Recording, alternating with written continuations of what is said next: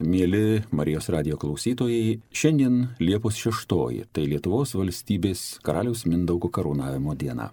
Apie Lietuvos valstybės istoriją, apie mūsų valstybingumo tradicijas, apie mūsų valstybės problemas mes kalbėsime su gerbiamu kunigu Arnoldu Valkausku.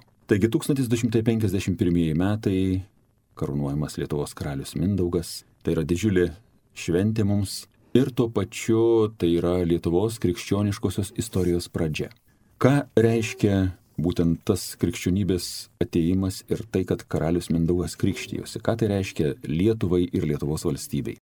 Na tai čia labai platus jau turėtų būti mums visų minčių spektras, kas mes tapome Europos dalimi. Visiškai kitas tikėjimas, o ne įžengimas į visiškai naują, galėtume sakyti, jeigu taip teologiškai žiūrėti, iš tikrųjų bažnyčia įžengimas, tai Lietuva tampa bažnyčios dalimi, tai visiškai nauja būtis, taip kad visais atžvilgiais čia ir tikėjimo požiūriu, ir politiniam kontekste Lietuva staiga tampa, na, jeigu taip žiūrėt paprasčiau, galbūt tai galėtume sakyti Europos dalimi. Tokia, o jeigu taip žiūrėti iš, iš bažnyčios pozicijų, tai Lietuva tampa iš tikrųjų Dievo karalystės dalimi, ta prasme, kad tikrai žmonės randa naują kelią į, į, Dievą. Tai tokia būtų, sakyčiau, galima būtų vertinti ir tas padedami pagrindai taip pat, na, tolimesniam valstybės vystimuisi. Iki tol Lietuva taip pat buvo valstybė, buvo visiškai kitas išsidėstymas jėgų iki, sakykime, Čingischano kariuomenės ateimų į Europą, kada susikūrė, kuriasi aukso orda, reiškia, kada užkariauja Kijevą. Lietuva buvo, galima sakyti, pavaldi Haličiui volynė, kiek aš žinau, 13 amžiaus pradžioje, ten buvo tokie, kaip sakant, tarpusavio kovos ir tarpusavio santykiai tokie sudėtingi gan. Ir staiga va, ta rytinė mūsų pusė, kuri irgi buvo krikščioniška, sakysim, Kievas buvo nelabai seniai krikštytas prieš porą šimtų metų, ir e, jie staiga užkariaujami totorių, ir va šitą tą jėgą visą nuslopsta, ir atsiranda Lietuvai galimybė toje, sakysim, jėgos ertmėje, toje atsiradusioje nišoje, tokioje tuštumoje, staiga Lietuva pradeda aukti kaip valstybė ir ji netgi tampa Europos dalimi. Ir, sakysim, pripažįsta, kodėl Europa vis dėlto turėjo pripažinti Lietuvą. Pati valstybė dar nebuvo krikštyta, o štai karalius tampa vis dėlto krikščionišku karaliumi. Tai yra, kaip sakant, pats aukščiausias įvertinimas. Tai yra ir popiežiaus palaiminimas, ir imperatoriaus Romos imperijos, Šventosios Romos imperijos palaiminimas, reiškia, karūna atkeliauja į Lietuvą. Kodėl staiga va taip pat Lietuva buvo pripažinta Europoje? Kas čia susiklosti tokios aplinkybės? Na, sunku pasakyti, bet manyčiau, kad Maničiau, kad ta gale, ta jėga ir pasirinkimas Mindaugo buvo pastebimas labai ryškiai. Tai galbūt mums iš istorinės perspektyvos atrodo, kad tai buvo labai toli, labai seniai. Ir kažkaip tai, na, nu, gal, sakyčiau, gal mes laikmečio žmonės matom tą per kažkokius tai net makinius, na, aš sakyčiau, šiek tiek literatūrinius, o ne gal makinius matom.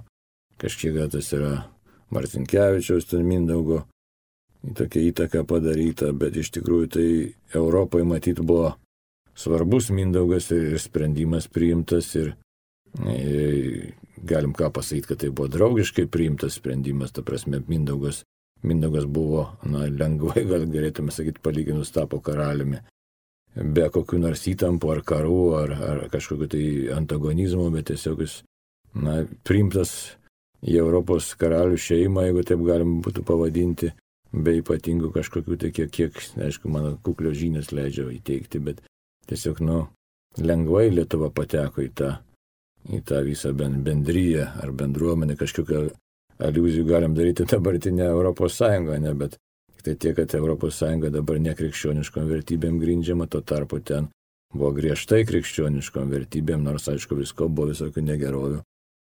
Tai štai, su kuo mes susidūrėm, reikia manyti, kad su nepaprastu fenomenu. Aš, aš tai galvočiau, bet vertinčiau taip, kad kadangi rašytiniai šaltiniai staiga ima ir parašo visą istoriją, kad štai Mindaugas karalius, kuris, na, pagal Europą tai mes šiaurėje esame, tai iš tikrųjų šiaurės šalis.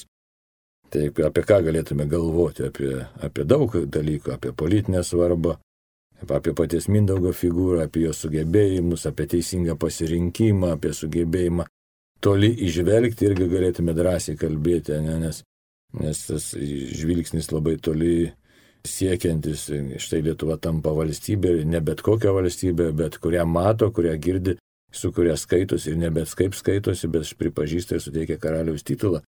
Karaliaus titulas tai ne prezidento titulas, tai iš tikrųjų net titulas, ar galima taip sakyti, nes karaliusgi konsekruodavo specialiai, reiškia, būdavo popiežius pasiuntinys, legatas, kuris patepdavo karaliumi, taip kad tą pačią chrizmą, kurią, kurią dabar per sutvirtinimą, per krikštą, tai pirmiausia sutvirtinimą patepam vaikus arba kunigai, kurie patepami, taip pat karaliai būdavo patepami, tai Tai vėlgi labai koks gestas yra, tai nepaprastas gestas, nes dar ten karūnos įteikimas, bet svarbiausia, kad ta konsekracija jinai tokį, nu, turi tiesioginį sąlytį su, su popiežiaus autoritetu. Taip, kad tas pripažinimas Europoje popiežiaus autoritetu Mindago ir jo pasirinkto valstybės kelio rodo nu, ypatingą Lietuvos išskirimą istorijos eigoje. Taigi Lietuva tampa Europos bendros krikščioniškos Europos dalimi. Tai yra turbūt labai svarbus momentas, nuo kurio mes pradedame skaičiuoti savo krikščionišką istoriją. Bet dėja taip išėjo, kad, na, karalius Mindaugas buvo nužudytas, vėlgi prasidėjo dvaro intrigos, reiškia, kaip sakant, kova, grinai žmogiški dalykai ir dėja Lietuva neišsilaikė krikščioniško pasaulio aplinkoje. Vėl karai, visa kita ir tas visas vos ne 200 metų, pusantro šimto metų faktiškai, nustumiama Lietuvos visas kristianizacija. Dabargi pasižiūrim į tai, kad, sakysim, vėlgi 14 amžiaus pabaiga, Lietuvos krikštas susijęs su Jogailos vardu daugiausiai, Lietuvo Jogailos tapimu karaliumi ir štai jau 15 amžiui pakrikštyta visa Lietuva. Dabar jeigu kalbame apie tai, kad mes šiandien švenčiame valstybės dieną, tai be jokios abejonės ta diena, na pasižiūrėkime istoriškai, ar iš tikro, sakysim, tą dieną buvo karūnuotas karalius Mindaugas. Kaip Jūs manote? Na, sunku pasakyti, gal ir iš tikrųjų, jeigu mokslininkai skaičiuoja, tai kažkokios tai prielaidos leidžia daryti tokį sprendimą. Iš kitos pusės pasižiūrėjus visos mūsų šventės, tos didžiosios yra žiemą. Sausio 13, vasario 16, kovo 11.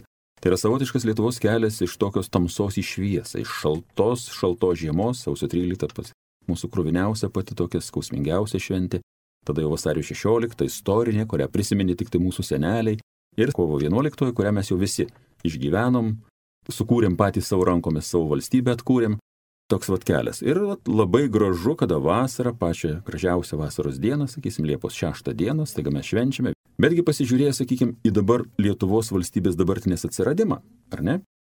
Tai 18 metai, vasario 16. Iš ko atsirado ir kas sukūrė tą mūsų dabartinę valstybę? Pasižiūrėkime, ir kokią čia, sakysim, įtaką turėjo būtent katalikų bažnyčia. Kaip Jūs manot, ar tam valstybės sukūrimui katalikų bažnyčia turėjo didelį įtaką, Ar, sakykime, mes galime sakyti, na, maždaug valstybė susikūrė pati, katalikų bažnyčia nieko dėta? Aš manau, kad didžiulį įtaką turėjo, aiškiai.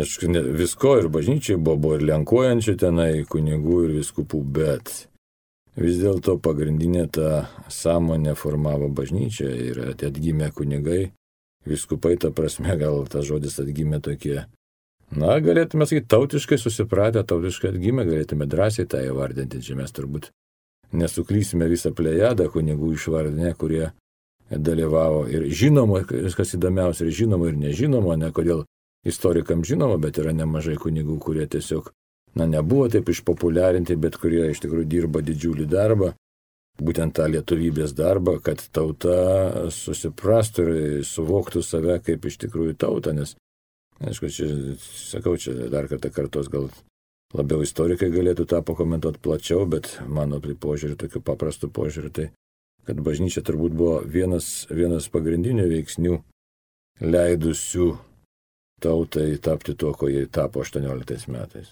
Pabandykime žmonės, kurie dėjo pagrindus mūsų, sakysim, sąmoniai, mūsų valstybės suvokimui, nes, kaip sakoma, jeigu milijonas žmonių nori turėti savo valstybę, tai jie ją turės, galima nebent juos fiziškai sunaikinti. Ir štai kas formavo tą mūsų troškimą turėti savo valstybę. Didžiuotis savo kilme, didžiuotis savo tautybės savo ir tuo pačiu, nu ir, kaip sakyti, ir ugdyti savo kultūrą ir visą kitą. Kas tos asmenybės? Pradėkime, sakykime, nuo kokio, nuo XIX amžiaus galbūt, kada pradeda atgimti tavo ta visas. Tai žinai, čia gražių tokių yra, aišku, mums žinomas figūros, tai ypatingai, ypatingai vyskupas Matėjus Valančius, ne savo, savo įnašą padarė didžiulis, blaivinime tautos, sąmoninime tautos, Na, bet galėtume aš taip greituoju būdu, negalim kalbėti ir apie kitus tokius fenomenus. Mes galim būti ir žiūrėti ir katalikiškus, ir nekatalikiškus, apie tą patį galim ir Donelaitį prisiminti, vis tiek ta raštyje turi savo prasme.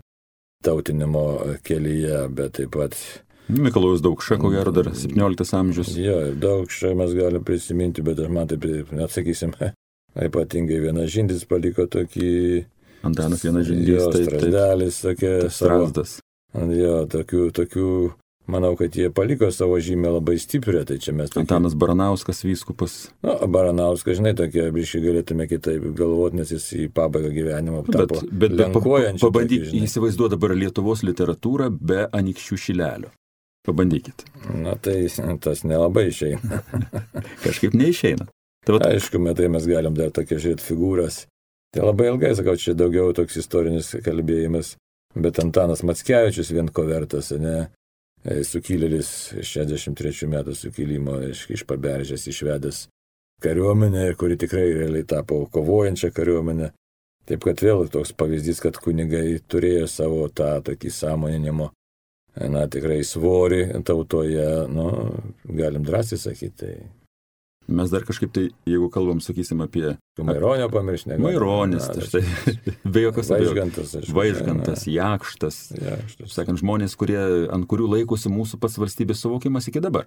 Mes neturim nieko geresnio, sakysim, negu, negu Lietuva brangi. Maironio ir, ir naujalio kūrinys.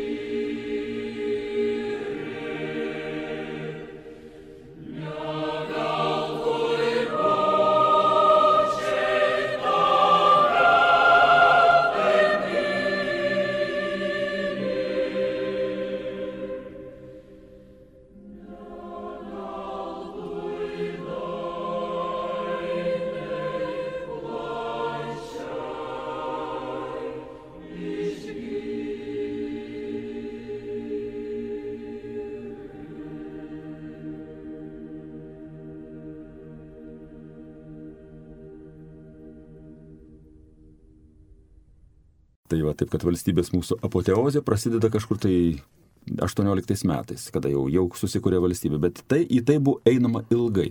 Ir aš manyčiau, kad pasisekė lietuvių tautai ir valstybei, kad jos pagrindus klojo būtent dvasininkai. Ką duoda, sakysim, vat, skirtumas tarp to, kad, sakysim, dvasiškas žmogus ir nedvasiškas. Kad ir paprastas dalykas. Lietuvos, sakysim, banko vadovas, Lietuvos lito tėvas Vladas Jurgutis. Mhm. Jisgi mokėsi kur? Mokėsi seminarijoje. Arba, sakysim, prezidentas Aleksandras Tulginskis. Taip pat mokėsi seminarijoje, bet paskui baigė e, agronomiją. Pagrindus dvasinius jiems padėjo būtent katalikų bažnyčia. Ir štai mes žiūrime į tos žmonės, kurie, sakysim, kaip kad ir Aleksandras Tulginskis, sakysim, pirmasis mūsų konstitucinis prezidentas, išrinktas, kaip sakant, pagal konstituciją jau. Tai va, tai tai žmogus, kuris buvo labai įdomus, reiškia, žmogus, kuris buvo paprastas iš valstiečių kilęs, reiškia, studijavo seminarijoje, po to baigė agronomiją, po to buvo prezidentas, dalino dvarus, parceliavo, davė žmonėms galimybę apsigyventi, daug kas jį už tai kritikavo, reiškia, už tai, kad, kad tais laikais buvo dalinama žemė, sakykime. Bet tas krikščioniškas principas, kad žmogus turi rūpintis vienas kitu, jis turi galvoti ne vien tik tai apie didelį pelną, apie kažkokias materialiasias vertybės, bet galvoti ir apie kitą šalia esantį žmogų, apie tas grinai bendražmogišką, krikščionišką žmogiškumą.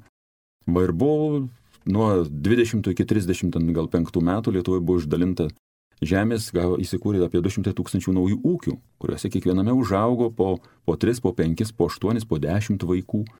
Va užaugo keli milijonai jaunimo. Ir kada atėjo lemiami momentai, būtent vėlgi mūsų kunigai, mūsų dvasiškiai, sakysim, pradedant tiek 40 metais, tiek pokario metais. Va, minime, sakysim, kad ir tos pačius vyskupus Viktorą Borisevičių ar kitus, sakykim. Taip, taip, ir Teofilis Matulionis ir taip toliau. Tai taip. čia visą plėjadą kankinių galėtume kalbėti, nes, sakysim, tikrai ir pasipriešinimo, jau čia galim kalbėti apie kunigą Ilių konkrečiai, kuris, aiškiai, jos slapyvardis buvo Antanas Ilius, slapyvardis Vilkas buvo kuriam vienam pirmųjų šovė į galvą suvienyti partizanų vadus, sujungti, su, sukurti vieningą vadovybę ir iš, iš asmeniškai dar jį pažinojau, iš tikrųjų jo rūpeščių tas vyko tiesiog susitikimai. Pirmasis susitikimas partizanų vadų, paskui tas jau virto į tikrą ginkluotą organizuotą kovą, taip kad kiti kunigai, kurie buvo kapelionai, kunigas Lelešius, ne, kuris dalyvavo kaip partizanų kapelionas, aiškiai, žuvo. Na, žodžiu, tai aišku, ko vertas vienas Svarinskas, tai čia, žinai, jau kalbos nėra. Alfonsas tai, Svarinskas, tai. Svarinskas, tai. tai. Iš tikrųjų, atidavęs, drąsiai galim sakyti, taip, tikrai drąsiai, atida, galim sakyti, atidavęs gyvenimą Dievui ir tėvynėje, be jokių išlygų ir be jokių, kaip sakytų, užpakalinių rezervinių minčių, visą save atidavęs, kad žmonės na, pažintų pasaulį kitaip, pažintų tėvynę kitaip, su, su, suprastų savo gyvenimo prasme.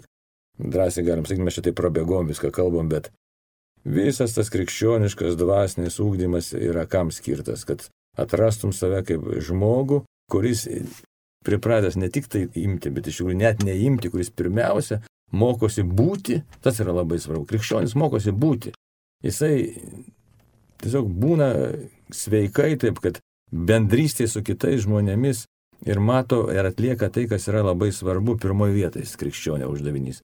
Tai yra atlikti savo pareigą su džiaugsmu, pasidalinant su kitais ir pik paskutiniai vietai pasirūpinti, kad man dar kažko tai reikia. Bet tiesiog tas visas toks integralumas, integralaus pasaulio matymas, kad aš esu pasaulio dalis ir aš turiu savo uždavinį šitam pasauliu, tas uždavinys man yra Dievo duotas. Tai štai čia yra, ką mums iš tikrųjų mininti ir Mindogo karūnavimo dieną mes galim sakyti iš tikrųjų, kad pergalė, tikroji pergalė tai yra, kad žmogus pamato pasaulį ne kaip pagonis, bet kaip krikščionis, tai yra pamato, atranda save, atranda save pasaulį. Čia, sakyčiau, labai svarbu būtų mums šiandieną suvokti, kad šita šventė nebūtų tuščia, nes jin gali būti visiškai tuščia, na, įvyko kažkada istorinis faktas ir kas iš to.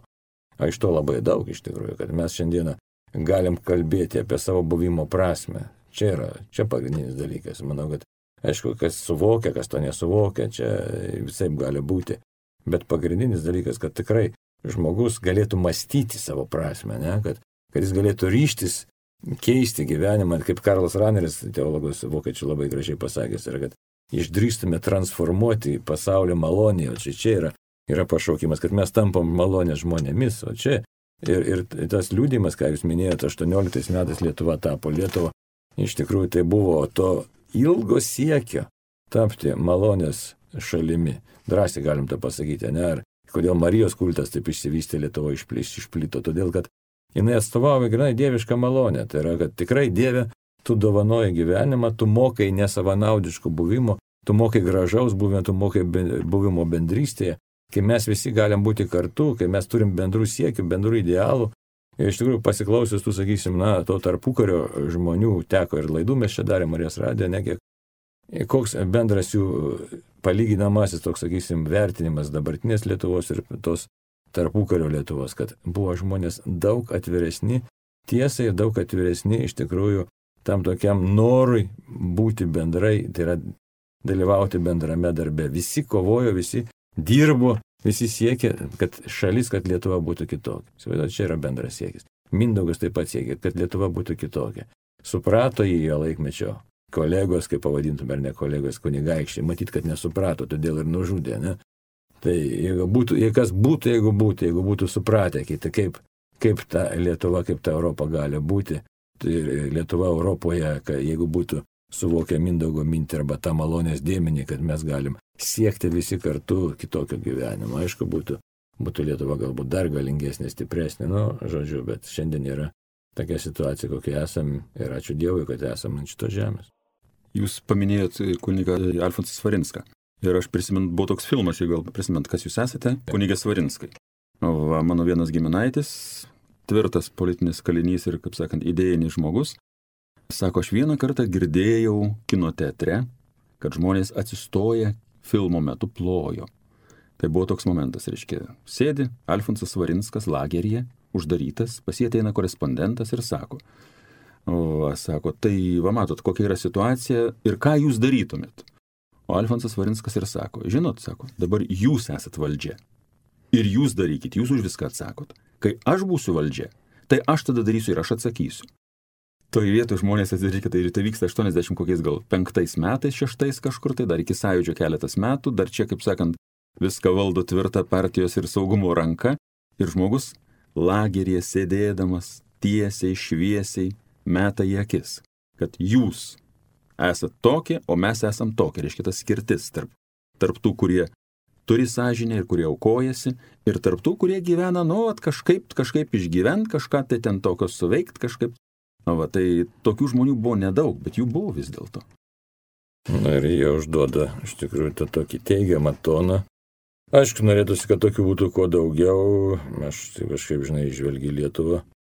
Šiek tiek taip, na, švelniai tariant, liūdno, kad darosi, nors tokia diena kalba, bet objektyvi realybė tokia, kad trūksta tokių kaip Alfonsas Varinskas, trūksta tokių kaip Antanas Ilius. Na, trūksta mūsų tos ugnies šiandieną, trūksta tokių kaip pirmieji savanoriai, kurie 18 metais išėjo į tėvinės frontus, tai taip kad tos dvasios, matot, iš tikrųjų mums šiandieną stinga tos dvasios vardant tos Lietuvos, ne?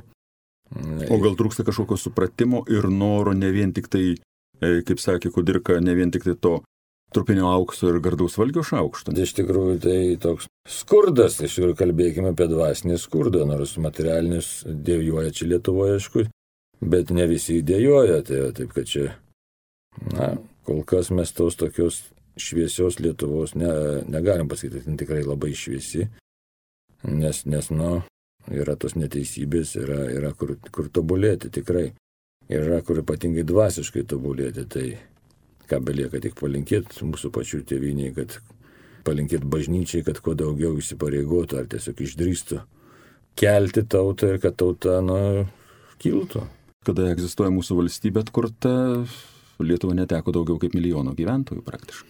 Čia labai kompleksinis toks, aiškia, kompleksinė problema, net kita vertus, kodėl važiuoju žmonės į užsienį, ne, jie važiuoja ieškoti geresnio gyvenimo. Tai irgi, ar kiltų noras kam nors čia įsipareigoti kurti geresnį gyvenimą, ar aišku, įmanoma, ar neįmanoma. Na, žodžiu, bet dabar galim pasakyti, aš taip vertinčiau, kad vis dėlto tas toks idealizmų lėkštelė kur kas lengvesnė negu tai realaus tokio materialistinio požiūrio į gyvenimą visoje tautoje. Kokios vertybės, vertybės labai primityvios, na, žodžiu, žodžiu, kol kas tai mes negalim pasigirti tokia tautos vienybės pergalės, nes jos nematoma. Net šiandieną, žinai, tokia šiandieną mes gal per daug nedėjokim, tik tai išreikšti norą reikėtų, kad vis dėlto ta Lietuva kiltų, kad atsirastų žmonių, kurie patys kyla ir kitus kelia. Čia yra svarbiausia. Aš manau, kad mes išgyvenam tam tikrą vadų krizę, labai stiprią vadų vadovaujančią elemento krizę irgi. Klausimas labai paprastas, paskui ką, paskui kurį asmenį mes šiandien norėtume sekti. Jeigu tai paklausiu žmonių, ar yra toks asmo, kuris mūsų uždegtų, Ko gero taip, vis dėlto dabar kokios tos mūsų idėjos. Ir šitoje vietoje aš manau, kad Marijos radijo funkcija ir misija yra labai svarbi, kadangi tai yra ir žmogiškumo, tai yra tikėjimo, tai yra mūsų įėjimo į tą, sakykime, jam žinai gyvenimą kelias. Galime savo gyvenime turėti didžiausius turtus, galim turėti didžiausią valdžią, galim turėti didžiausius malonumus, bet nieko į amžinai gyvenimo nenusinešim. Taip, daug dievė, kad kad mes visi visą tautą tą suprastume. Aš tai tikiu, kad Lietuva turi atgimti. Aišku, buvo karai, buvo marai, buvo visokie ten suirutės, trėmimai. Na ir dabar toks, aišku, skaudus periodas vis dėlto, nes tiek netekti žmonių, kurie gali kažką kurti, daryti, tai yra, na, mums didelis praradimas. Bet kita vertus, negalima nuleisti rankų, nusivilti ir ašaroti, bet reikia, reikia kažką daryti, kad mes vėl atgimtume ir eitume į priekį kaip Dievo vaikai kaip tie, kurie iš tikrųjų, per kuriuos veikia Dievo malonė, kurie yra pajėgus perkeisti šitą mūsų visą situaciją, perkeisti pasaulį. Turbūt to ir palinkėkime mūsų Marijos radio klausytojams šios gražios valstybės dienos progą, kad kiltume, stiprėtume dvasia ir manau, kad ir Marijos radijas kiekvieną dieną tarnaus mūsų žmonėms. Taigi, daug Dieve mums visiems išminties, drąsos, kad tikrai galėtume drąsiai savo gyvenimo pasitarnauti ir Dievui, bažnyčiai ir tėviniai. Dėkojame už prasmingas mintis gerbiamam kunigui Arnoldui Valkauskui.